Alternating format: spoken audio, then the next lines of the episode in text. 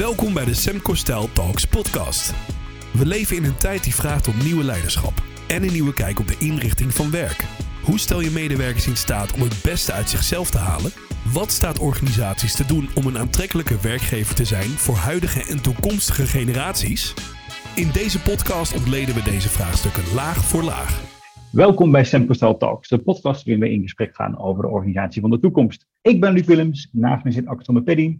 Hoi hoi. En te gast is Max Wildschut. Hallo. We gaan in gesprek over zijn inzichten over leiderschap, zelforganisatie, evolutie, psychologie en nog veel meer. Een kleine introductie van Max. Allereerst dank dat je er bent uh, vanuit Portugal. Max, je bent cognitief neuropsycholoog. Uh, je hebt je verdiept in de evolutionaire psychologie. En je bent een expert in menselijk gedrag in organisaties. In het oog springende boeken van je zijn Darwin voor Managers en Gezag. En nog een aantal andere werken die we hier op onze virtuele tafel hebben liggen. En die we zo in onze podcast virtueel gaan doornemen.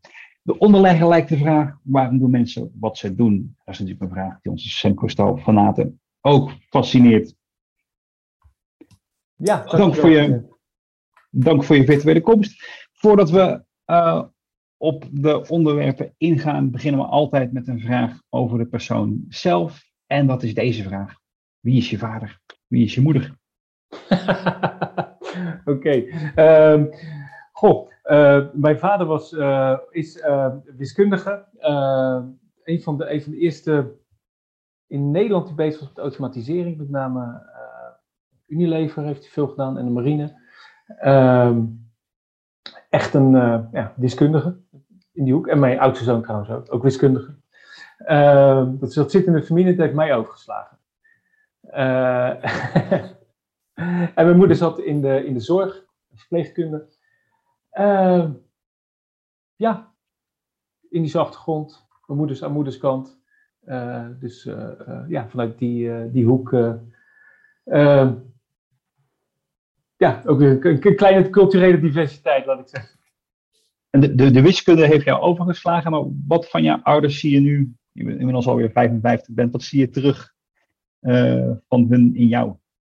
Ja, dat is wel een grappige vraag inderdaad, omdat je uh, wiskundige, ik heb natuurlijk de meer technische hoek van de psychologie uh, heb ik gezeten, toch vrij wiskundig georiënteerd ook. Ik heb ook heel veel, met name statistische dingen moeten doen. Um, dus, dus, dus dat, dat zit, die kant zit er wel een beetje in, in mijn, eh, in mijn eigen werk.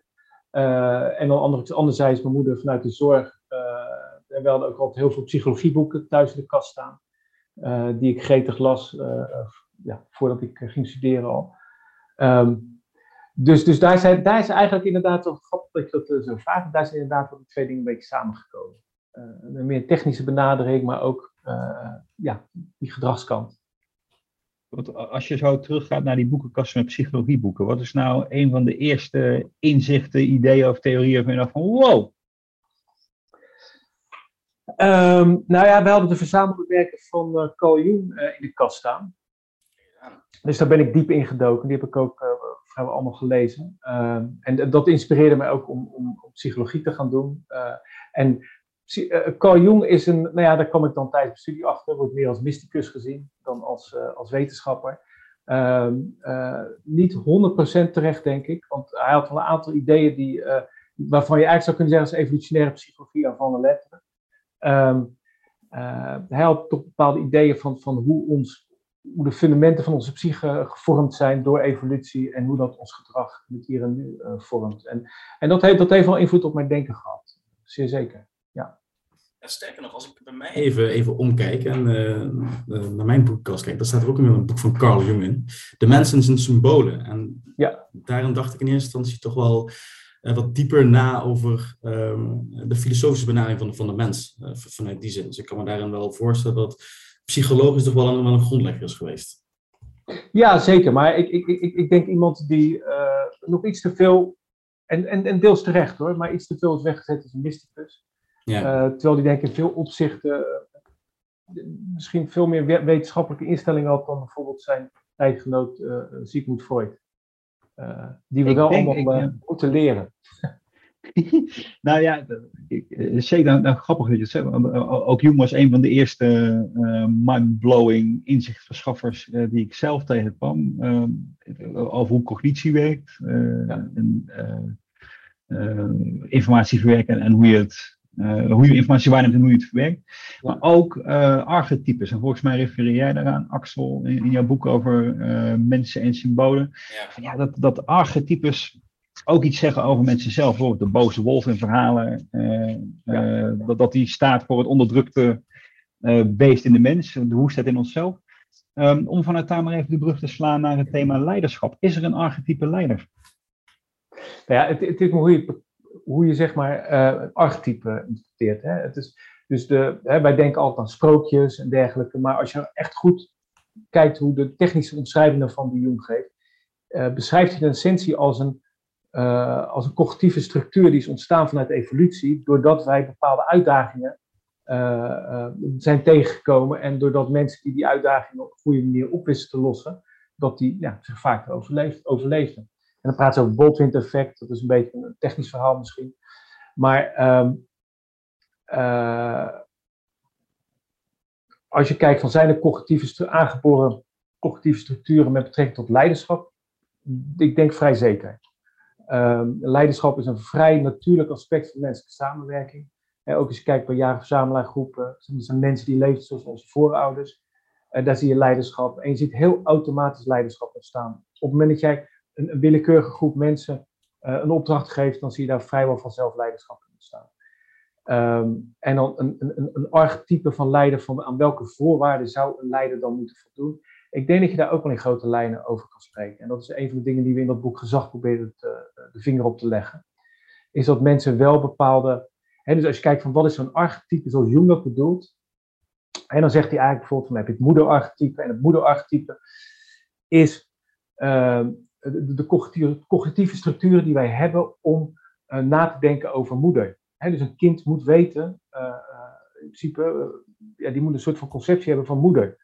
en daar op een bepaalde manier op gaan reageren. En op dezelfde manier hebben wij een soort van conceptie van leiderschap. Wat verwachten we daar nou van? en dat verschilt ook weer per situatie. Hè? Dus ik doe een heel, heel leuk onderzoek daarna gedaan aan de VU ook, waarbij je kijkt van, nou, in, in, bijvoorbeeld in crisissituaties kijken we vrijwel automatisch meer naar, naar meer uh, ja, zeg maar, leiders met een hoger testosteronniveau. Uh, terwijl we in meer stabiele situaties kijken naar lage testosteron types. En dat kunnen zowel mannen als vrouwen zijn.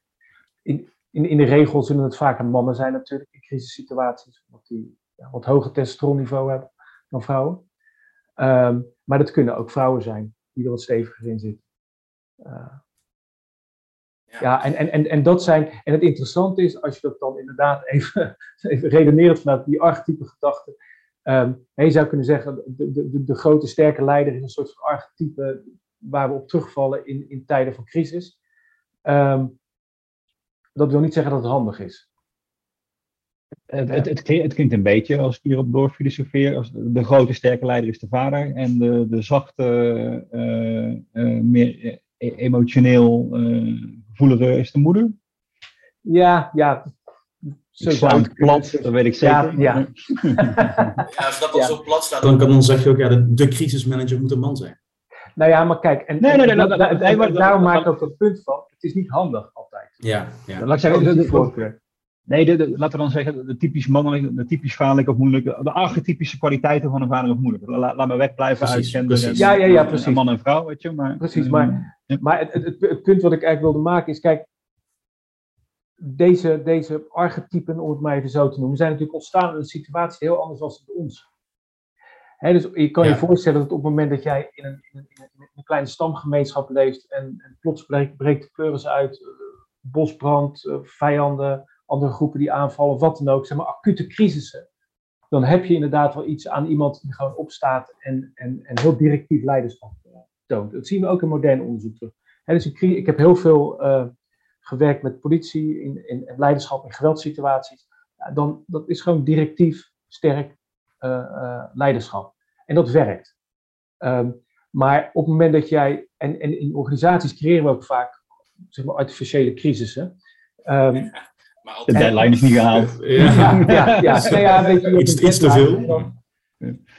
Nou ja, en, en de vraag is of in die complexe situatie die, zeg maar, die archetypes nog wel functioneel zijn. En ik denk het vaak niet. Ik, ik, ik denk vaak dat die, dat die hang naar, naar krachtig leiderschap die we hebben in, in, in dit soort crisissituaties, um, ons in organisaties vaak in de weg zit. Uh, om het beeld nog even aan te vullen, dus het, bij crisis directief uh, leiderschap met alles wat erbij hoort en bij niet-crisis, hoe ziet het andere archetype eruit? Ja, dat, ja, we slaan hem heel plat inderdaad. Um, maar dan ga je naar, ja, toch naar meer, uh, meer vrouwelijk verbindend leiderschap. Waarbij, en dan kan je natuurlijk ook voorstellen, in, in samenwerkingsverbanden gaat het veel meer om van, nou, is, is, is de ruimte voor iedereen om, om, ja. om, om daarin bij te dragen voelt iedereen zich, zich veilig en, en uh, geïntegreerd binnen zo'n team? Dat is veel meer een vraagstuk.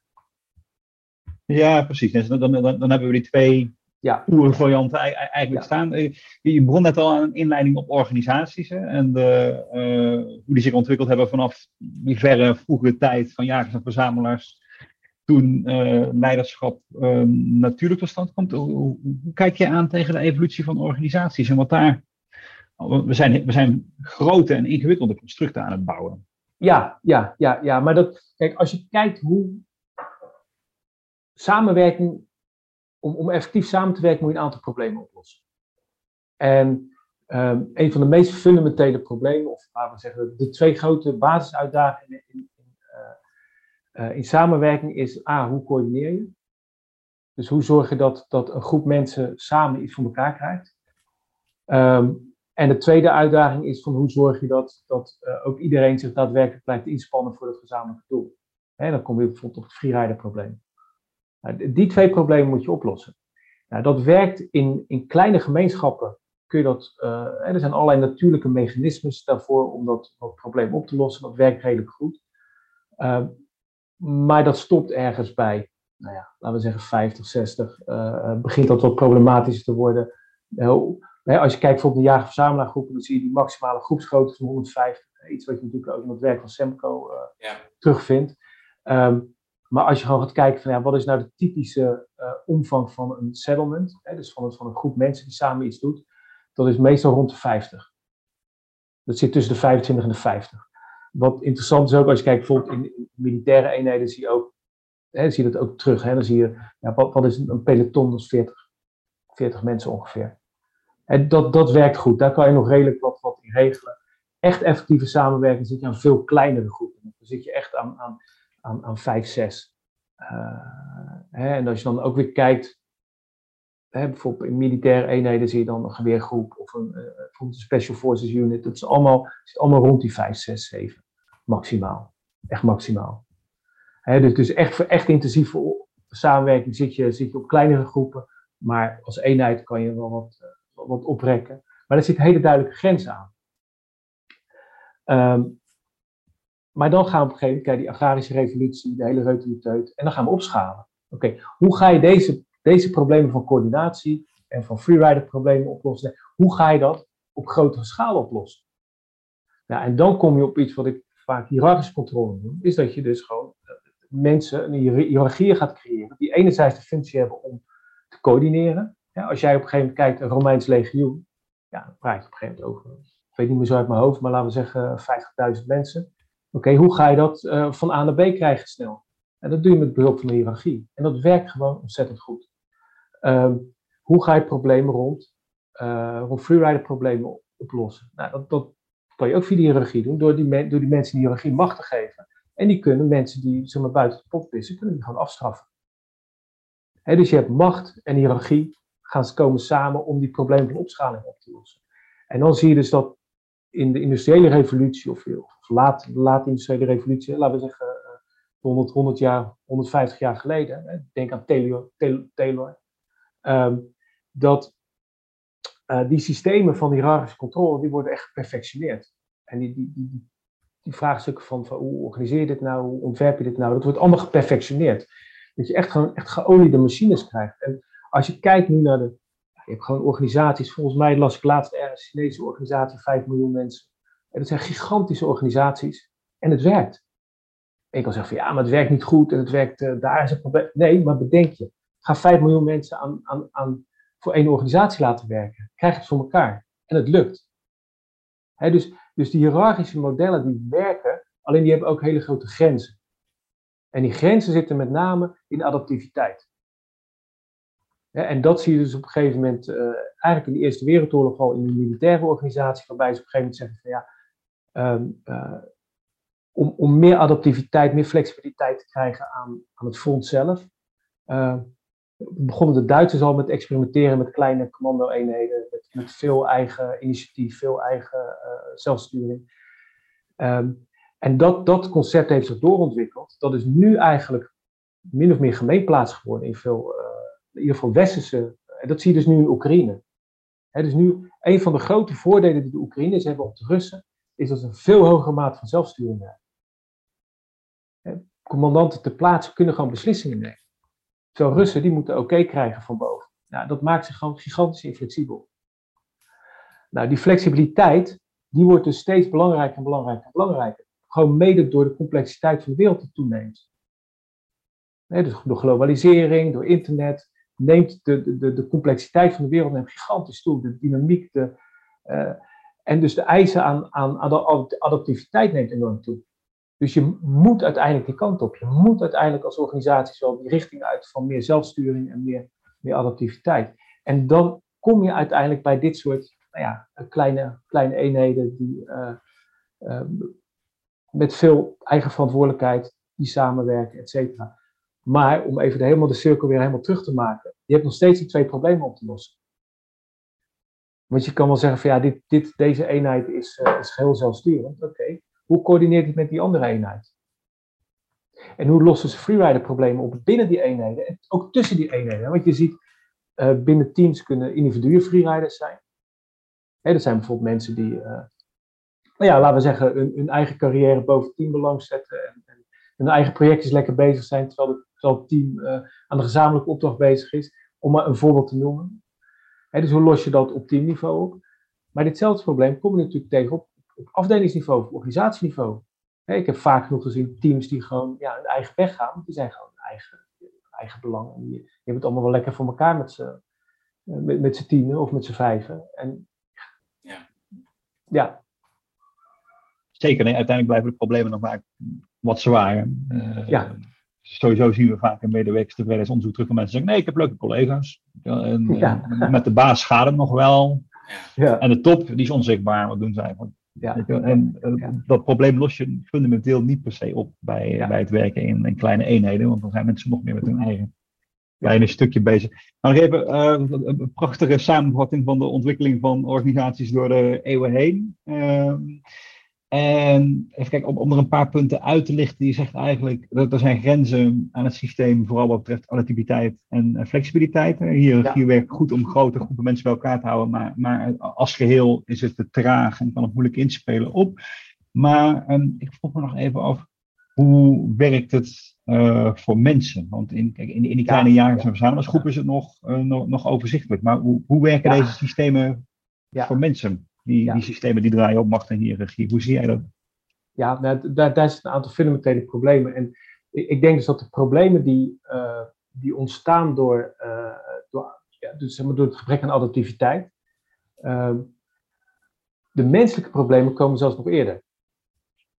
En dat zagen we natuurlijk al, nou ja, laten we zeggen, begin vorige eeuw zagen we natuurlijk al met, met ja, de, de, arbeider die uitgebuit wordt. Hè, dat, dat kunnen we ja, dat is, vrij helder. Hè? Mensen die 14 uur per dag moeten werken, zes dagen in de week, uh, voor hongerloontje, ja, dat is niet helemaal ideaal. Um, menselijk gezien. Maar wat je natuurlijk vanaf de jaren 50, 60 ziet, de opkomst van, van kenniswerk. En dan zie je dus dat die hele, um, ja, dat hiërarchisch controlemodel uh, niet ideaal is daarvoor.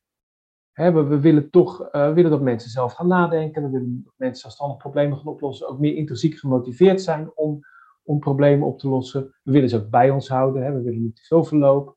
Uh, en dat hele menselijke aspect, dat kan nog wel eens, dat kan uh, en wordt vaak problematisch in grote hiërarchische, strikt hiërarchische organisaties. Uh, hè, als je kijkt naar, naar alle psychologische onderzoek naar, naar, naar motivatie en welzijn. Ja, dan praat je dus naar een van de belangrijkste variabelen die dan continu terugkomt. En dat, dat maakt niet uit of je nou over samenwerking hebt, of over motivatie, of over uh, gezondheid, stress, burn-out. Een van de factoren die non-stop terug ziet komen is autonomie. Ja. Nou, waar gaat autonomie in essentie over? Ja, dat je je eigen agenda mag maken. Nou, niet helemaal. Als je kijkt, zeker vanuit evolutionair perspectief, van waar gaat autonomie over? Dat gaat in essentie over niet gedwongen worden. En dat is een heel subtiel en belangrijk verschil. Ik kan een, een, een leidinggevende hebben uh, die mij, en dan kan ik mijn eigen agenda mogen maken, een hele reutemeteut, zeg maar, autonomie in mijn werk. Maar als ik een leidinggevende heb die mij het gevoel geeft uh, uh, niet autonoom te zijn, in ieder geval die zeg maar een, een die ik als dominant ervaar, dan gaat de autonomie de deur uit. Daar komen we op een belangrijke kwaliteit van, van leiderschap. Hè? Het subtiele spel rond, rond autonomie. Axel, wat gaat er in jou om als je het allemaal beluistert? Ja, nou, zeker. Ik denk dat we eigenlijk al een flink lijstje op, op aan het maken zijn voor um, waar moeten we heen als, als leider in de, in de toekomst vanuit een traditioneel hiërarchische uh, gedachte. Um, dan schets je autonomie als een, uh, als, als, een, als een heel belangrijk element. Uh, niet gedwongen worden. Daarin kan je natuurlijk bepaalde flexibiliteiten koppelen, die je vervolgens um, kan gebruiken om je werk zelf dus in te richten. wel samen in het collectief, om dat zo goed mogelijk met elkaar af te stemmen. Um, gaan we terug naar een, eerder element, is het in kleine teams uh, werken waarin je een bepaalde betrokkenheid voelt. Ik wil hier graag werken, ik wil hier graag zijn en ik voel me verbonden met, de, met het team. Gaan we dan inderdaad kijken naar zo'n zelforganiserende setting. Hè? Wat kleinere teams, um, daarin is eigenlijk het formele, de formele sturing wordt daar vaak een beetje uitgefilterd. dat is niet meer nodig vanuit een hele hoog overe, hoog, hoog overe manier van, van sturen. En daarin gaat het formele leiderschap dus ook een beetje verloren. ik denk dat een onbelichte vorm van leiderschap juist het informele leiderschap is. Hè, waarin een team juist de mensen die niet altijd het, het, het, hardst praten of het meest zeggen, ook voor, ook voor zorgen dat een, een team betrokken blijft, eh, een team bij elkaar blijft. Uh, informeel leiderschap, eh, waarin zie jij daar het belang van in een zelforganiserend team of een, of een organisatie die, die vanuit een kleine setting wat groter wordt? Ja, nou ja kijk, het, is hoe je hoe definieer je leiderschap. Hè, dus je kan leiderschap definiëren vanuit, vanuit die hiërarchische organisatie. En, en, en dat is hoe we dat natuurlijk vaak doen. Hè, van, en wat moet je dan allemaal doen in die hiërarchische organisatie? Als je uh, leiderschap gaat definiëren vanuit een puur menselijk perspectief, van wat is menselijk gezien leiderschap. Um, en dan vergeten we even organisaties. Dan kan je bijna zeggen, vergeet even de laatste 10.000 jaar. Ja. Um, wat is leiderschap van nature bij mensen? Dat, dat, zijn, dat is dat iemand binnen een groep het voortouw neemt op een bepaald onderwerp. En daarmee de groep effectiever maakt.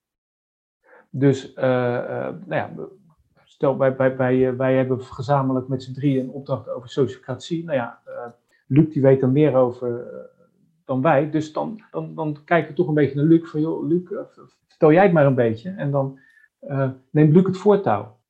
Ik wil niet zeggen dat Luc belangrijker of beter is dan ons. Nee, Luc neemt op dat moment gewoon het leiderschap. Um, als ik, en dat is ontzettend belangrijk. Zeker uh, uh, op het moment dat je met complexe problemen te maken hebt, of op het moment dat je met, je, met crisis te maken hebt, Hè, wat ik al vertelde, ik heb veel met, uh, bij de politie gedaan op het gebied van leiderschap en geweldsettings. Nou, dan heb je dus acute crisissen waar soms niet altijd formeel leiderschap aanwezig is. Hè, dus we hebben het niet over DSI-teams of iets dergelijks, we hebben het gewoon over de gewone diender die opeens ja. op straat staat en, en er komen vier andere auto's aan, opeens staat er acht man uh, staat daar en okay, daar moet leiderschap gepakt worden. Oké, okay, wie doet dat? Nou, dan kan je, kan je heel formeel gaan uitvogelen wie, wie zeg maar, uh, het langst in rang zit of iets dergelijks. Maar je kan ook gewoon kijken van oké, wat waar, is op dit moment functioneel? En, en waar ligt de expertise? Dus, da, dus daarin hoor ik al... Of, of, de, of de, de informatiepositie, hè, dus ja. wie heeft de meeste kennis van de situatie op dat moment. Of wie heeft inderdaad expertise op een bepaald... Hè, stel je moet bijvoorbeeld een pand in, nou, dat is een complexe procedure. Um, nou die heeft er ervaring mee, die heeft daar kennis mee, die pakt de leiding. En, en dat is een hele functionele manier van kijken naar leiderschap, die denk ik heel goed past binnen het, binnen het idee van, van zelfsturing en zelforganisatie. Ehm, maar die soms wat, wat, wat schuurt natuurlijk met de meer formele kant van leiderschap. Ja, leiderschap als functie uh, kwamen inderdaad ook tegen in jouw werk. Hè. Dus, het is meer een rol uh, in een context en het heeft een doel anders dan dat het per se in persoon is. Um, dat deed me ook denken aan uh, het werk van Rutger Bregman en zijn bekende boek De meeste mensen deugen. Die betoogt eigenlijk zoiets als het spoor waar wij nu op zitten. Toen we nog jagers ja. en verzamelaars waren, liep het allemaal ja. vanzelf. Weet je wel, maar in die grotere, complexere gehelen wordt het steeds moeilijker. Ja. Ook omdat, omdat macht verstart en mensen op vaste plekken komen te zitten. En, en, en daarmee die, die rol en functie, ja. de, de, de, de flexibiliteit die eigenlijk in, in, in de functie moet zitten, die, die raakt verloren als, ja. uh, als, als, mensen, Ja, als, als er macht bij komt en mensen te lang op die plek zitten. Ja. Grofweg gezegd. Kijk, ook, ook in Semco-staal, uh, daarom is juist een van de belangrijkste uh, aspecten, ook bottom-up evaluatie, uh, hoe lerend voorzitterschap. alles om er maar voor te zorgen dat, ja. Dat, dat mag niet verstild of verstart. Nee, nee, nee. En, en, dat, en dat, dat, dat, dat, dat werkt ook heel goed, hè? Ook dat rolerende leiderschap en dergelijke. Alleen, er is één probleem, en dat, dat zit een beetje in de, in de titel van het boek van Brechtman ook. De meeste mensen deugen, maar niet allemaal. nee, Ricardo Semmer zegt dan mooi van ja, laten organisaties inrichten op de 99% die, eh, die wel deugt. Uh, ja. ja, en over, en over, over Brechtman gesproken, als ik, als ik dat boek nog, wat ik trouwens een heel mooi boek vind, maar als, als, als ik het samenvat, zeg ik ja, de, de, de, mensen schreven naar het goede, maar je kan eigenlijk bijna alles wel uitleggen als het goede. ja, nee, maar precies. Maar, maar om, mensen hebben was ik zelf toch wel een rechtvaardiging. Ja, ja maar om, als je even terug gaat naar de jager-verzamelaargroepen, wat je daar natuurlijk ziet, is dat uh, de meeste mensen deugen. Um, maar moordpercentages liggen vrij hoog. Brechtman uh, ontkent dat een beetje. Die, die haalt een onderzoek aan wat, wat niet heel breed gedragen wordt. Um, maar die moordpercentages liggen vrij hoog. En, en een van de redenen waarom die, die moordpercentages zijn, is, is, is los van uh, uh, oorlogvoering tussen groepen. Dat, dat drijft de percentage vrij hoog op. Um, maar wat je ook hebt, is dat de groep rekent af met freeriders. En, en dat, dat, dat kan aardig gewelddadig gaan. Um, als je kijkt, heel veel van, de, van, ook van het onderzoek bij, uh, bij jaarverzamels komen we dat terug, maar ook heel veel psychologische onderzoek, dan zie je dus dat uh, een groep kan alleen stabiele samenwerking ontwikkelen wanneer er mechanismen zijn om rechtvaardigheid af te dwingen.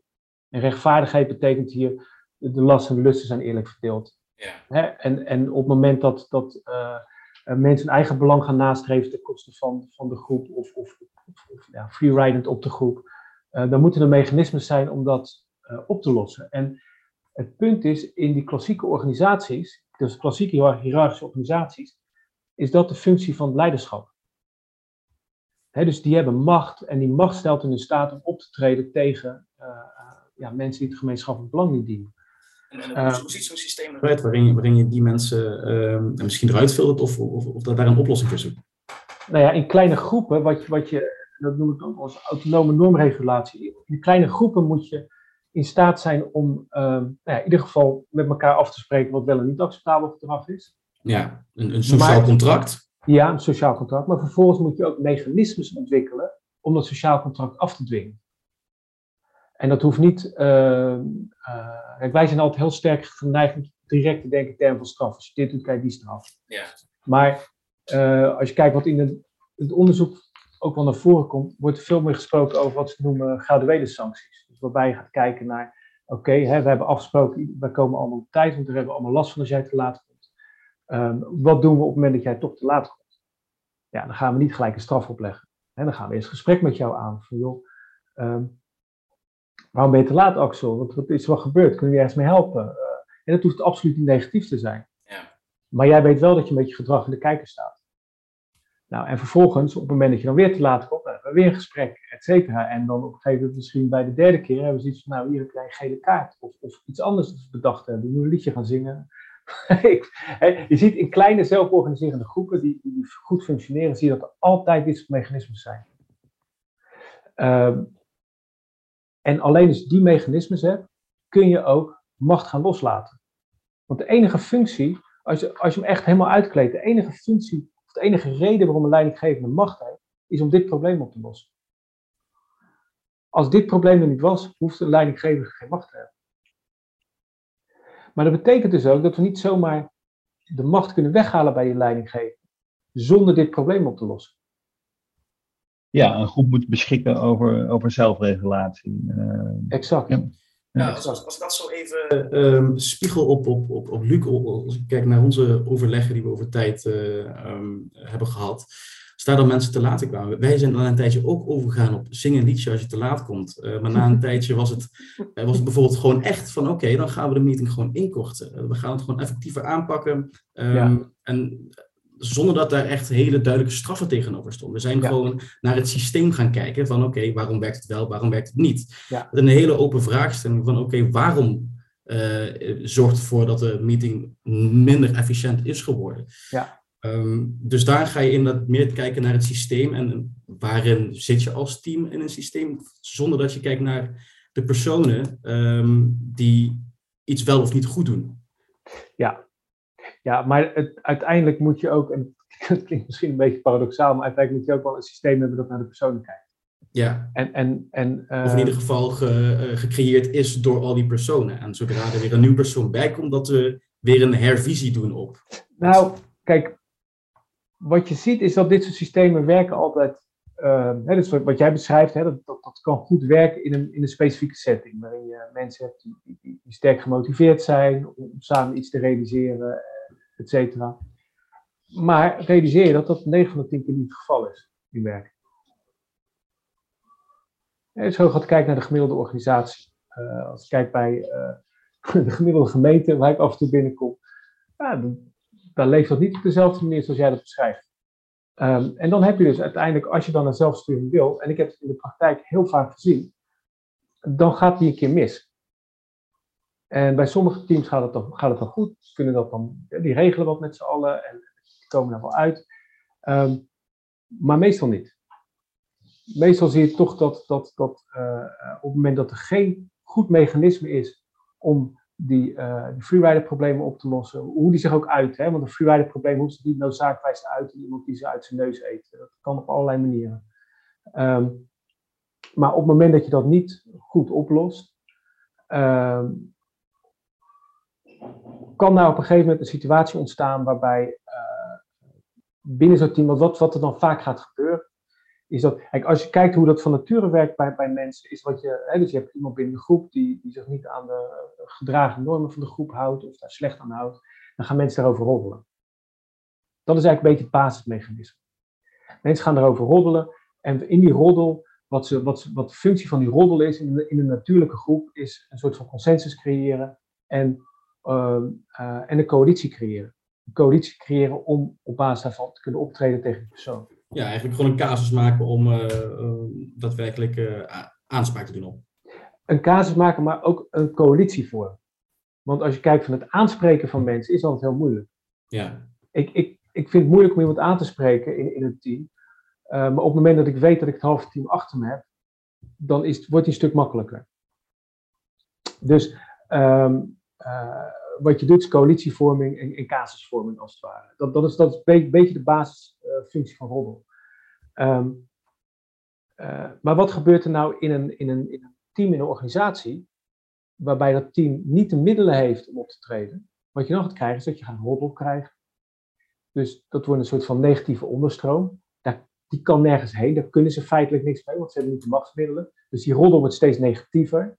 Uh, er ontstaan conflicten binnen het team. Je gaat coalitievorming krijgen binnen het team. Want degene over wie het gaat, gaat ook proberen coalitie te vormen. Et cetera. En uiteindelijk krijg je gewoon een heel dysfunctioneel team.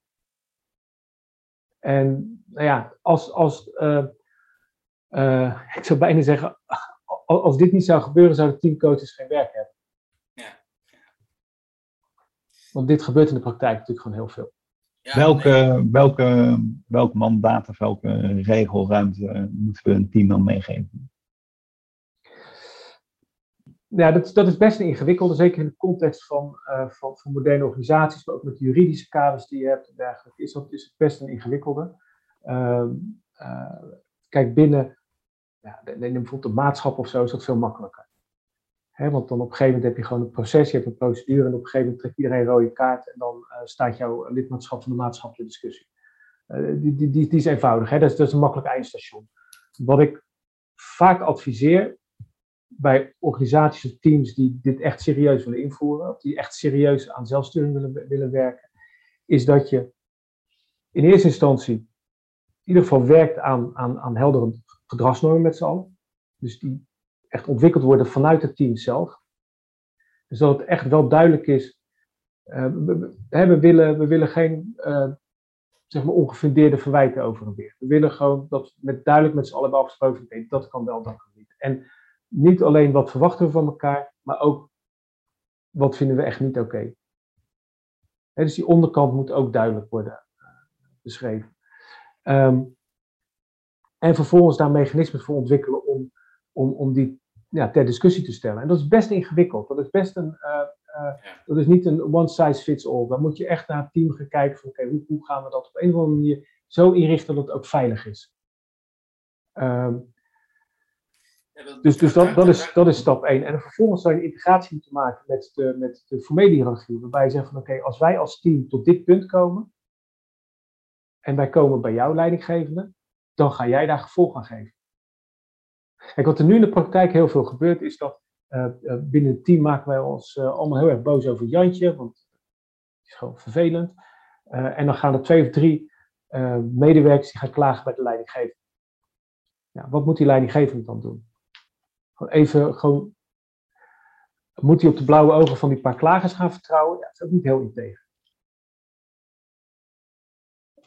wat moet hij doen?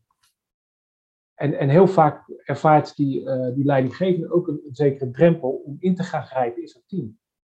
Want hij weet het op het moment dat hij vanuit zijn machtspositie in dat team gaat ingrijpen, dat het ook allerlei gevolgen heeft. Vaak negatief. Ja, dus je wil eigenlijk dat het, dat het zo veilig genoeg is in een, in, een team dat er niet gekeken wordt naar die, uh, naar die formele leider naar die, of naar die manager. Dat het inderdaad onderling uitgevochten, of ja, niet uitgevochten, uitgesproken wordt naar elkaar, dat ja. liever niet uitvechten. Ja.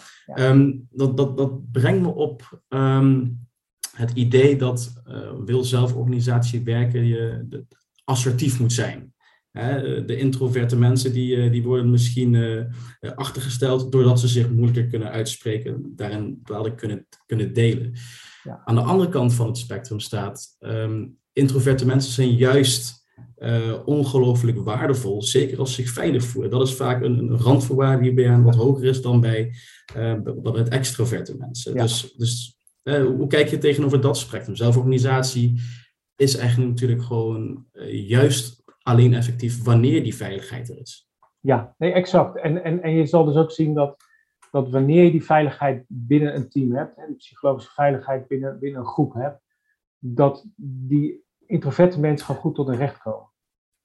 Hè, ik, wat, wat mij, eh, het is een onderzoek dat ik ooit ben tegengekomen en waarvoor ik nog iedere dag van mijn hoofd kan slaan dat ik het niet uh, heb opgeslagen. Ik lees een onderzoek en denk, oh leuk, interessant. En dan vervolgens kan ik het niet meer vinden. Kom aan de mailbox, uh, ja, kennen we. Uh, ja, ja. Um, maar dat was het onderzoek waarin ze gingen kijken naar de, naar de invloed, de sociale invloed van introverte en extroverte mensen binnen een, een, een, een groep, binnen een, uh, ja. een, een, stabiel team.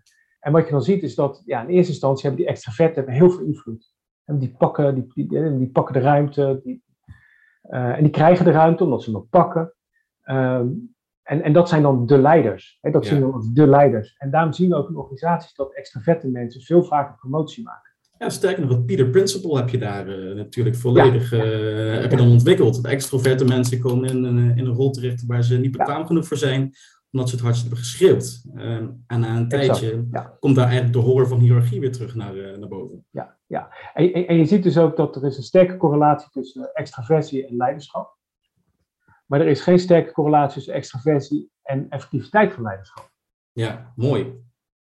dus, dus je ziet, niet, je, je ziet dat, dat extraverte mensen worden vaker leider, maar ze zijn niet noodzakelijk bij betere leiders.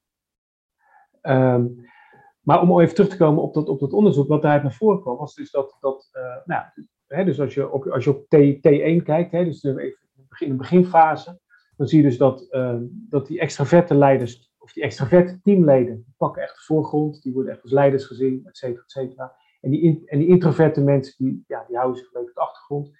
En dan vervolgens zie je het, op het moment dat je dan naar het verloop van tijd gaat kijken, en ik weet niet wat, wat voor tijdsverloop dat precies was, maar als je dan kijkt op, op, een, op een iets grotere termijn, dus dan zie je de, de invloed van die extraverte mensen binnen die groep afnemen en de invloed van die introverte mensen binnen de groep ja, toenemen.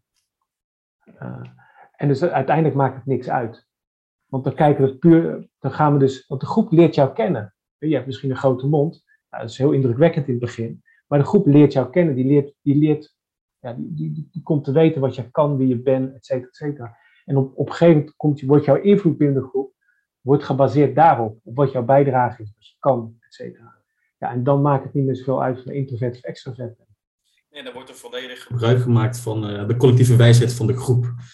Ehm, en de potentie die, uh, die daarin waarschijnlijk in eerste instantie uh, niet volledig werd benut en uiteindelijk weer wel. Ja. ja.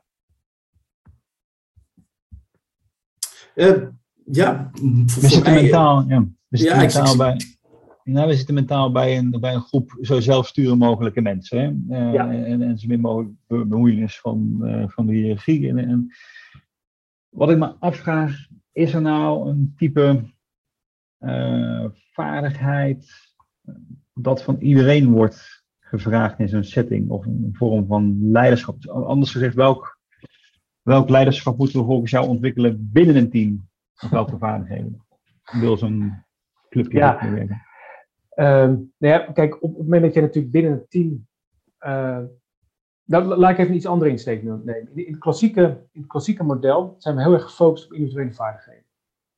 dus we kijken naar competenties van mensen en, en, en er worden dan wel wat sociale competenties bij. Hè. Moet kunnen onderhandelen, moet goed kunnen luisteren, maar het is eigenlijk een beetje een wassen neus.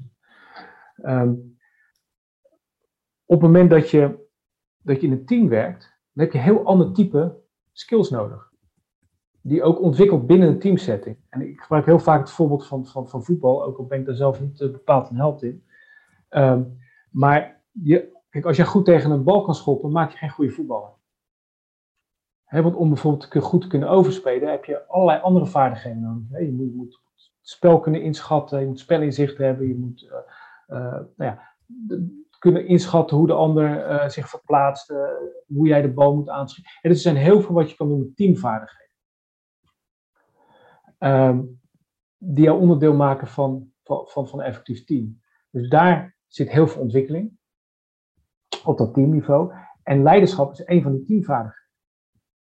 Dus jij moet weten dat jij op een x-moment het leiderschap moet pakken. Um, en uh, wat, wij, wat wij toen bij de politie veel gedaan hebben, is, is gaan kijken, hè, dus, dus teams in, en dat waren vaak dus teams uh, waar geen formele hiërarchie was, hè, dus die allemaal dezelfde rang hadden. Nou, wettelijk gezien is er dan nog steeds wel een vorm van hiërarchie. Te maken met hoe lang je in een, in een rang zit. Maar uh, in de praktijk uh, uh, werkt dat zelden zo. Um, en dan zetten we, we mensen van, van gelijke rang in, scenario's. En die werden dan letterlijk gewoon in de kamer geduwd. En die kregen dan in, vliegtuigvorm een scenario naar binnen geworpen. Um, en ga het maar doen. En dan ga je kijken van oké, wat voor, wat voor processen zie je dan ook? En wie pakt het leiderschap? En we waren ook met name uh, ja, geïnteresseerd in hoe het leiderschap zich ontwikkelt en hoe, hoe we dat konden, uh, door zeg maar, teamcoaching, dat, dat leiderschap konden verbeteren. En wat daar gewoon een belangrijke uh, variabele was, was omdat, omdat politiemensen heel erg geneigd om hiërarchisch te denken. En dat wij echt probeerden erin te krijgen van oké, is, is het logisch, voor wie is het nu logisch om het leiderschap te pakken? Um, en doe dat dan. Um, en ik, ik, ik bijvoorbeeld een scenario schiet me opeens te binnen waarbij een, groep uh, een, pand ging schonen. En um, op een gegeven moment stuit is eentje die is als, als aangewezen door de groep. En die heeft gezegd, nou pak jij het op. En die persoon die staat op een gegeven moment vast, uh, doordat hij, uh, nou, wat, je noemt dan een vuurlijn heeft op een verdachte. Dus die had op dat moment, was hij helemaal gefocust op de verdachte had geen overzicht meer wat, wat er in, in, het, in, het, pand verder gebeurde, wat er met de groep verder gebeurde. Um, wat gebeurt er met leiderschap dan? Is het dan afgelopen? Nee. Iemand anders moet het overnemen. want, En, en nou dat soort processen ben je dan heel erg op, op bezig. Dat je laat zien van nee, het gaat niet over wie de baas is. Nee, het gaat niet over wie de rang heeft. Nee, het gaat over het groepsproces. En het effect daarvan. En, en dat we als groep samen succesvol zijn. Daar gaat het om. En wat is daarvoor nodig? Ja, ja Mini met het initiatief. En wat is daar passend in? Ik heb ze trouwens een paar keer bezig gezien, zo de, niet de politie, maar er was hier een grote brand in de straat. En, uh, een ambulancemedewerker heeft eens een keer een bouwvakker van de grond moeten rapen, die van drie stellingen naar beneden was, uh, was gevallen. Um, wat, ik daar, wat ik daar een heel mooi coördinatiemechanisme vind, is de eerste ter plaatse is in, in beginsel uh, de, de, aanvoerder. Uh, want ja. die is als eerste plaatse, dus die, die kent de situatie best. Hup, hesje aan. Exact, exact, en, ja. en, en, en, dus neemt hij of zij die rol. Ja, ja, exact. Ja. Ik, ik, weet dat het bijvoorbeeld na, uh, na 9-11 is daar ongelooflijk veel aandacht aan besteed. Ja. omdat het daar ongelooflijk slecht ging in de coördinatie. Men wist niet waar die moest zijn, wie waar was, wanneer bepaalde spullen aanwezig waren. Um, ja, dat was natuurlijk een fiasco op en top, maar ook gewoon qua, um, qua organisatie was het dus een, een, echt, echt een puinhoop.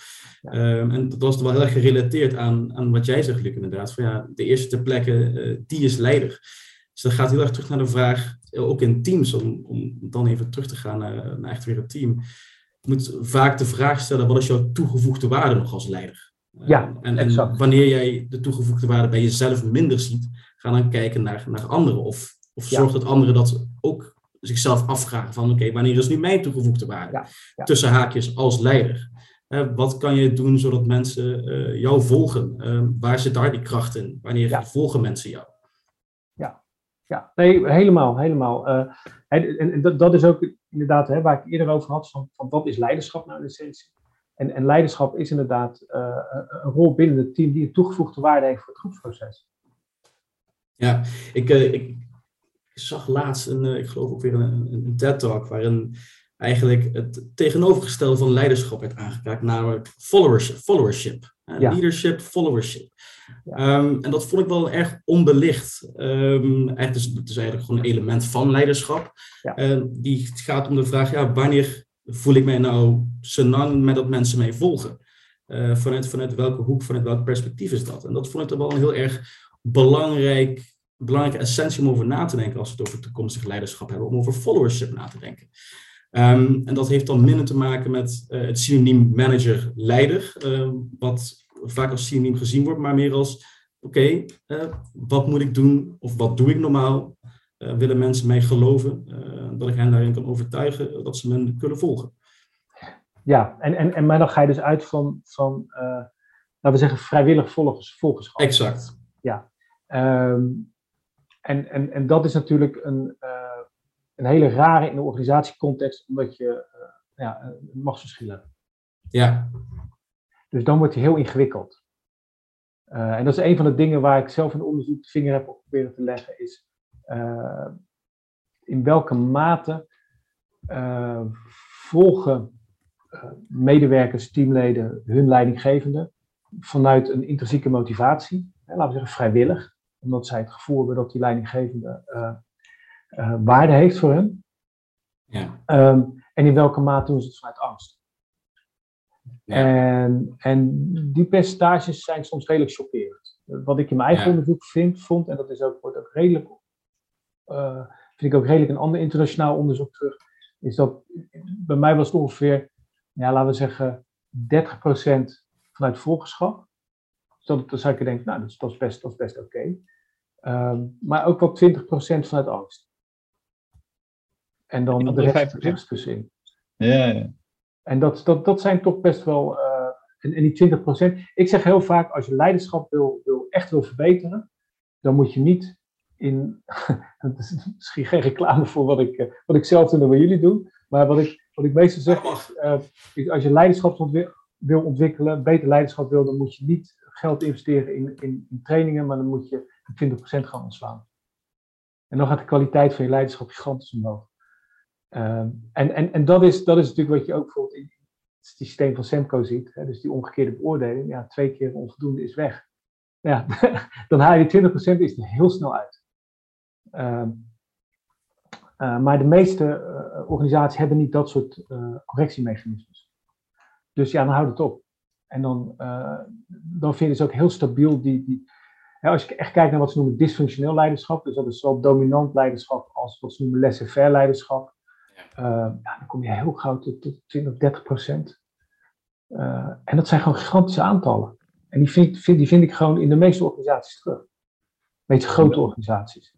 En uh, bedoel je dan dat mensen volgen vanuit angst of uh, dat er leiderschap wordt gegeven? Uh... Nou, laissez-faire leiderschap gaat meer over afwezig leiderschap. Dus dan is gewoon leiderschap waar je niks aan hebt. Dat noemen ze ook vaak destructief leiderschap, omdat het ook heel veel negatieve invloed heeft. en dominant leiderschap, dat is die 20%, zeg maar. Dat is, dat is echt volgende. En dan stellen we ook echt de vraag van, um, collega's zijn bang voor deze leidinggever dus mensen zullen vaak niet, als je mensen vraagt, van, ben je bang voor die leidinggever, zeggen ze vaak nee. want we zijn niet bang, want we zijn allemaal flinke grote mannen. Maar als je vraagt van zijn uh, collega's bang voor deze leidinggever, dan krijg je vaak iets, iets duidelijker antwoord. Hmm. Um, en, en dan kom je echt op 20% uh, gemiddeld, 5, tussen de 15 en 25% vind ik vaak. En dat is, dat is, echt, dat is echt schrikbarend veel. Want dit zijn mensen die dus echt angst creëren. Mensen waardoor, waardoor, je, waardoor verloop ontstaat, waardoor ziekteverzuim ontstaat, waardoor stress ontstaat, waardoor autonomie sterk afneemt, et cetera. Dus dit is echt een probleem. Uh, daar wil je echt vanaf als organisatie. Maar daar zijn nu in de meeste organisaties geen mechanismes voor. En dan probeer je het probleem op te lossen door heel veel te investeren in leiderschapstrainingen. Maar het rendement daarvan uh, is mede hierdoor gewoon heel erg laag. Ja, het is geen werkelijk correctiemechanisme. Nee, nee, men, men, mensen mogen dan alsnog kiezen wat ze daarmee doen. Maar, maar, misschien nog aanvullend, en dat is misschien wel even interessant voor het punt van Axel. Um, wat ik dus vind, dus ik kijk enerzijds naar zijn mensen gemotiveerd om, om, om te volgen, dus, dus, intrinsiek gemotiveerd om een leidinggevende te volgen. Um, en dan stel je ook echt wel vragen in termen van uh, respect en vertrouwen. dus ik vertrouw deze leidinggevende, ik vertrouw op zijn aanwijzingen.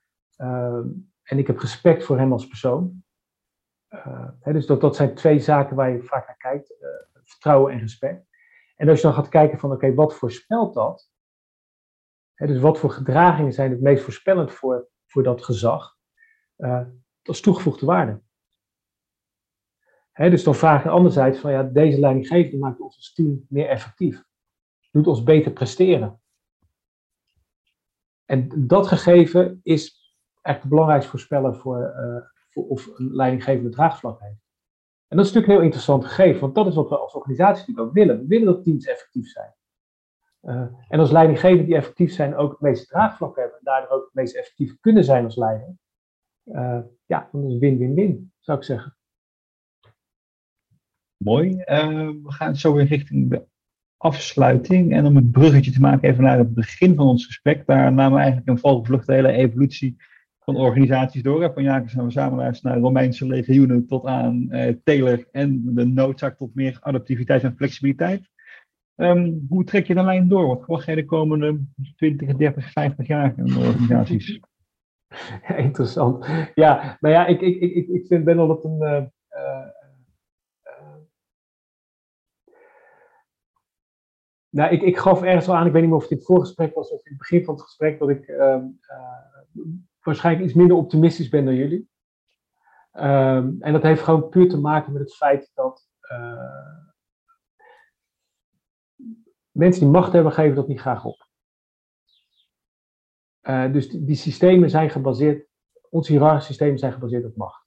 Nou, we weten, denk ik, iedereen met, met drie hersencellen die goed kijkt naar, naar, naar, naar de wereld om ons heen en naar mensen, uh, kan ongeveer een inschatting maken dat we daarvan af op een of andere manier. Dat we, dat we, moeten, dat we echt wel richting meer zelforganiserende systemen moeten. Ook al zelfs, uh, al is sommig werk kan je misschien beter doen in in hiërarchische context, uh, omdat het gewoon heel veel, uh, nou ja, laten we zeggen, productiviteitsachtig werk is. Um, dat soort werk gaat ook steeds meer geautomatiseerd worden. en en we, gaan toch vaak naar situaties waarin teams van mensen met verschillende expertise samen problemen moeten oplossen, complexe problemen moeten oplossen en dergelijke. Dus daar gaan we toch heen. Dus ik, ik, ik denk dat het onvermijdelijk is dat we daarheen gaan. Alleen. Uh, we hebben natuurlijk wel te maken met mensen die, zeg maar, uiteindelijk de mensen die, die hierover beslissen, zijn de mensen die het meeste verliezen hebben. En dan komen we gewoon op een heel bazaal stukje uh, menselijke psychologie, dat is gewoon bescherm je belangen. En het vreemde is wat ik in de praktijk zie, en dat klinkt misschien een beetje cynisch, maar ik zie heel veel managers zie ik het, het, het zelforganisatiegedachte met de mond beleiden en tegelijkertijd uh, in hun gedrag ondermijnen. Uh, en dat heeft... Zeker, nee, dat, nee, dat, maar, maar, maar, maar dat zien wij ook vaak. uiteindelijk begint het met de mensen die hier het meest oprecht iets mee willen. Ja, ja. ja. En, dat, en, dat is, en, dat is, en, en die zijn er genoeg hoor. Alleen, ja, om, om, een simpel voorbeeld te geven, ik zal niet vertellen bij welke organisatie het was, maar een grote organisatie wilde de uh, kwaliteit van leiderschap in teams verbeteren. En een van die, van die uh, dat hoge management die kwam bij mij en die, die vroeg, oké, hoe kunnen we dat aanpakken? Um, en ik gaf een, nou, een scenario. Uh, dus dat een van de dingen was van, oké, je moet gaan kijken, enerzijds van, je ontwikkelt teams, hè, dus hoe, hoe ga je die teams effectiever maken? En vervolgens ga je kijken naar leiderschap, van hoe, nou ja, waar we het eerder over hadden, toegevoegde waarde van leiderschap. Hoe creëren we leiderschap dat daar op een effectieve manier aan bijdraagt? En een van de dingen die ik daarbij introduceerde was het idee van gerichte feedback op dat leiderschap. Want dat leiderschap moet zich kunnen ontwikkelen. Nou, en je kunt niks ontwikkelen zonder goede feedback. Plus, daar moet een bepaald soort, uh, soort incentive in zitten. Want het was wel formeel leiderschap ook. Hè? Dus het waren wel formele posities. Dus daar moet een soort van incentive ook in zitten. Um, en nou, de man die, uh, die, die, luisterde mijn verhaal aan en stelde wat vragen. En op een gegeven moment zei ja, ik vind, het, ik vind echt een perfect verhaal. Ik denk dat dit het enige is wat echt werkt. Hij zei, maar ik krijg dit nooit verkocht bij de CEO.